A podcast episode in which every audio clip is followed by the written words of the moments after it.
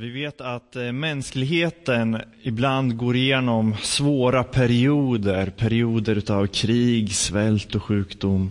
Och för många av oss har det här senaste året varit ett sådant år.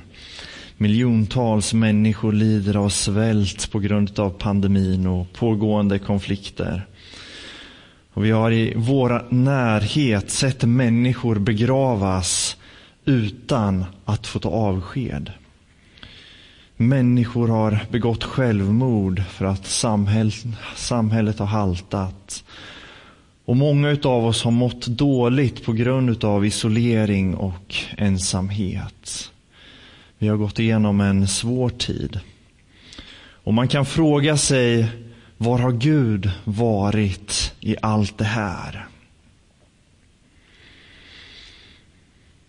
Vi har äntligen kommit till påsken påsken som är den tid då vi får påminna oss om att Gud inte har lämnat oss.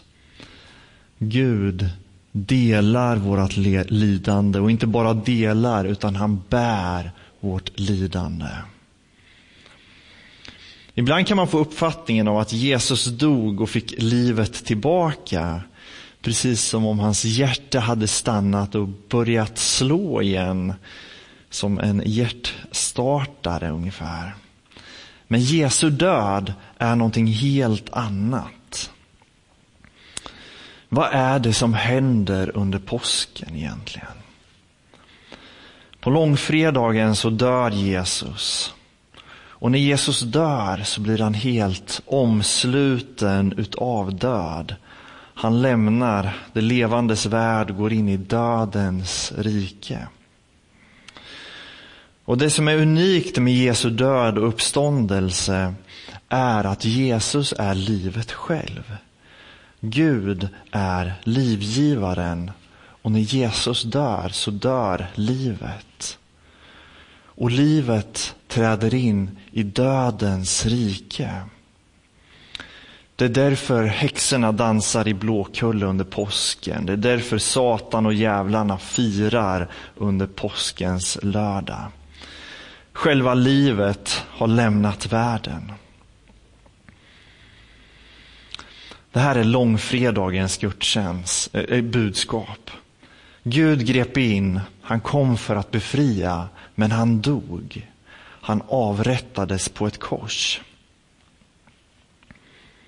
Samtidigt som eh, Jesus hade andra judiska ledare framträtt som också hade kallat sig för Messias men som också de avrättades. Makabéerna är ett exempel man kan läsa om i Gamla testamentets apokryfer. Men vad är det som är unikt med Jesus? Jesus avrättas och dör på korset. Han blir lagd i Josefs grav. Men det som händer samtidigt är helt avgörande. Livet träder in i dödens rike. Det unika med Jesus är att döden förmår inte att hålla Jesus kvar. Döden förmår inte att behålla livet i sitt grepp.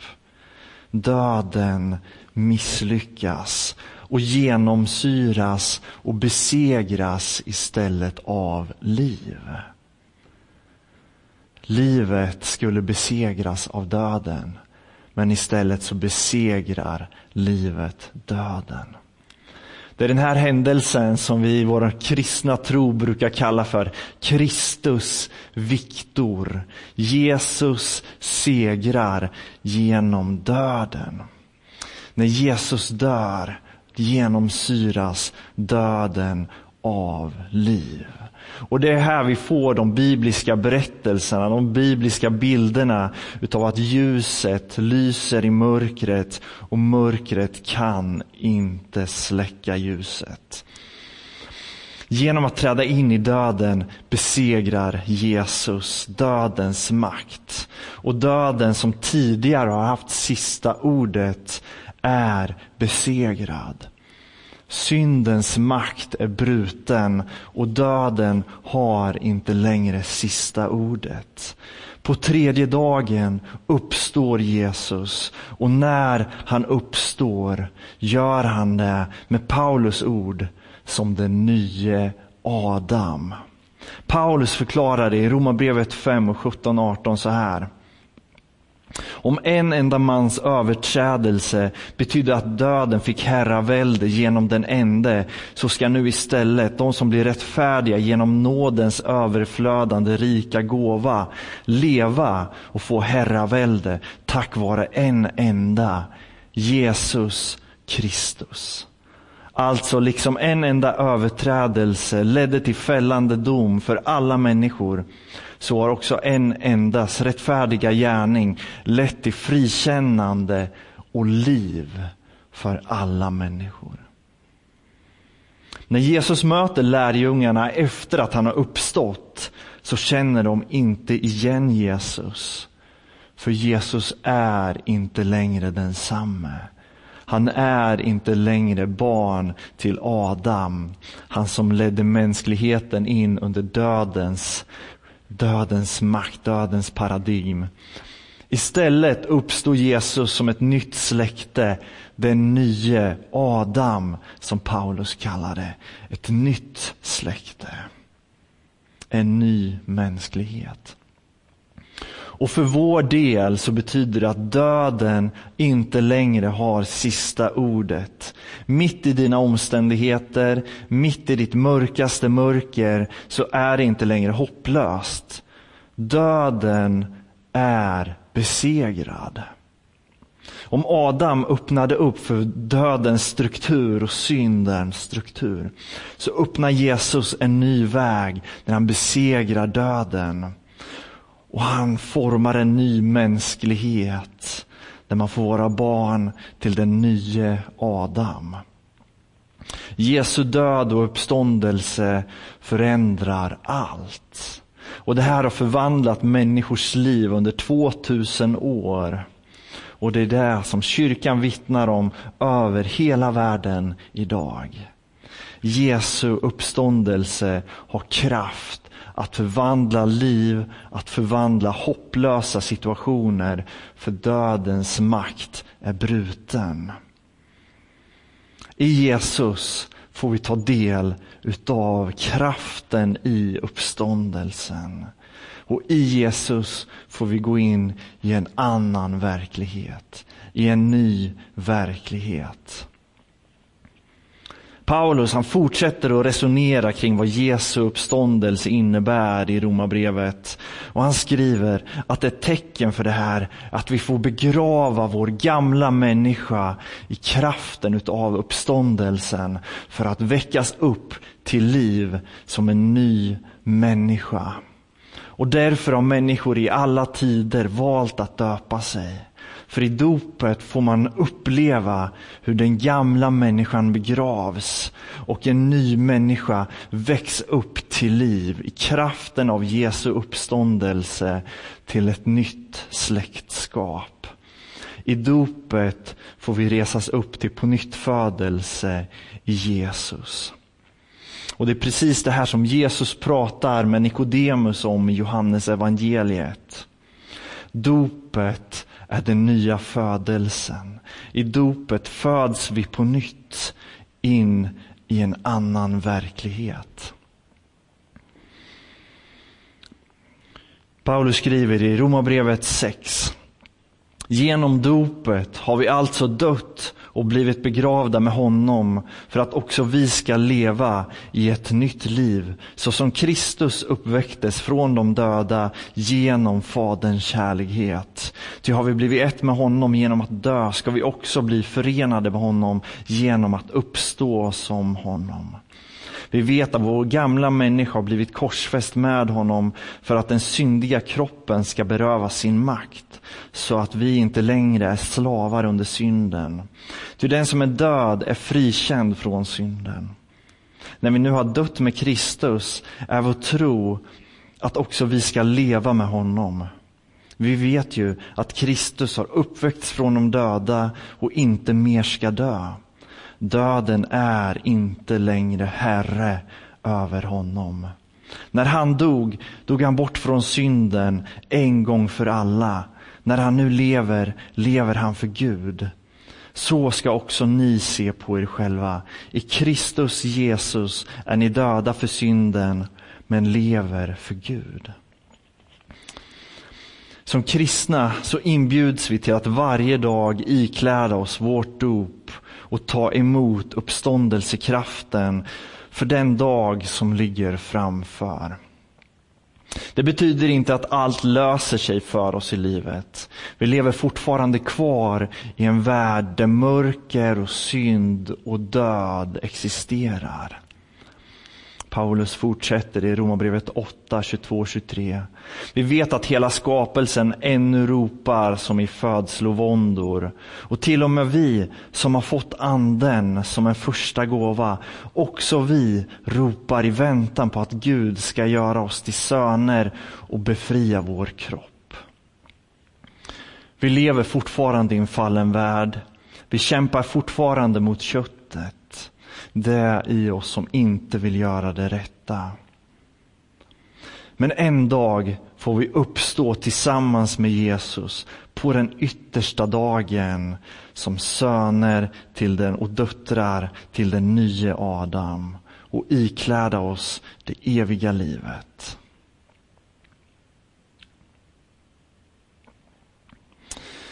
Vi har under det senaste året blivit påminda om dödens och mörkrets närvaro i våran värld.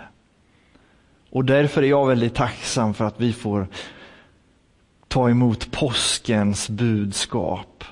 Döden har inte sista ordet, utan mörkret är besegrad. Syndens makt är besegrad. Och vi får ta emot liv. Vi får ta emot liv mitt i våra omständigheter. Mitt i psykisk ohälsa, mitt i misslyckanden, i tvivel, i otillräcklighet, trasiga relationer. Mitt i liv fyllda av lögner, demoniska strukturer och där vi är nära att ge upp. Där får vi ta emot liv. Där får vi blicka in i graven och se Jesus är inte kvar. Graven är tom och döden är besegrad. I Jesus så finns det hopp för en ny morgondag. Det är vad Gud har för oss. Därför kan vi drömma framåt. Vi kan hoppas på det vi inte ser. Och Paulus han avslutar resonemanget med att vi kan hoppas. I Jesus så kan vi hoppas på grund av Guds kärlek. I Romarbrevet 8, 38-39 så skriver han Ty jag är viss om att varken död eller liv, varken änglar eller andemakter, varken något som finns eller något som kommer, varken krafter i höjden eller krafter i djupet eller något annat i skapelsen ska kunna skilja oss från Guds kärlek i Kristus Jesus, vår Herre.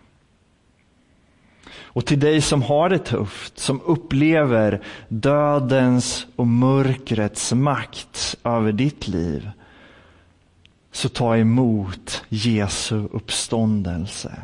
Ta emot livet som segrar över döden. Jesus är för dig, han vill skänka dig liv. Det är det här David får förnimma i psalm 23. Inte ens i dödsskuggans dal fruktar jag någonting ont, ty du är med mig. Gå inte genom dödsskuggans dal själv. Låt honom som besegrat döden uppfylla dig. Låt honom ge dig liv.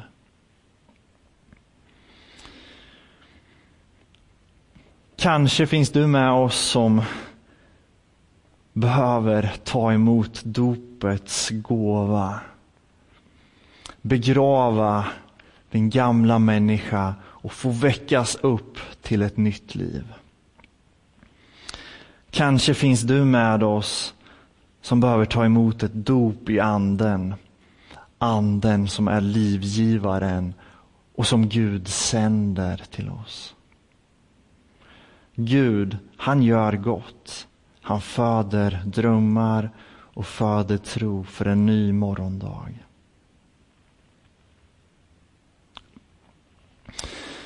Vart har Gud varit det senaste året? Jo, han gick ända in i döden tillsammans med oss. Men det slutar inte där. Kristus är uppstånden och världen är inte längre densamme.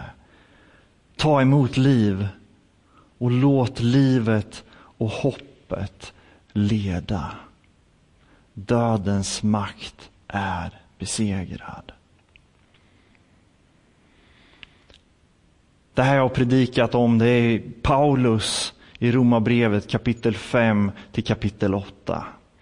Och kanske ska du leva kvar i Romarbrevet kapitel 5 till kapitel 8 för att bli påmind om Guds verk i Jesus Kristus. Kanske känner du att döden och mörkret har makten över dig. Då får du jättegärna ta kontakt med någon av oss pastorer. Du får ta kontakt med våran Vi finns för dig-grupp för att samtala och be tillsammans. För vi tror att det finns någonting annat, det finns någonting bättre. Graven är tom. Vi ber tillsammans.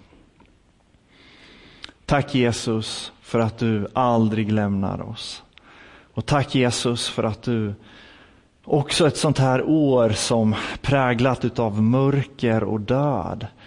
Att du går med oss och att du till och med gick före oss in i mörkret, in i döden. Tack Jesus för att det inte slutar där. Tack Jesus för att döden inte har sista ordet. Tack Jesus för att livet segrar. Och Herre, jag ber att vi ska få ta emot liv. Du ser hopplösa situationer. Du ser människor som har svårt att ta sig upp på morgonen, Jesus. Du ser situationer där mörkrets grepp är starkt om oss. Jesus, låt oss ta emot ditt liv. Låt oss bli resta upp till att vara dina döttrar och dina söner, Herre. Mm, tack Gud för att du är en god Gud som är för oss. Och tack för det goda som ligger framför. Vi ber om det i Jesu namn. Amen.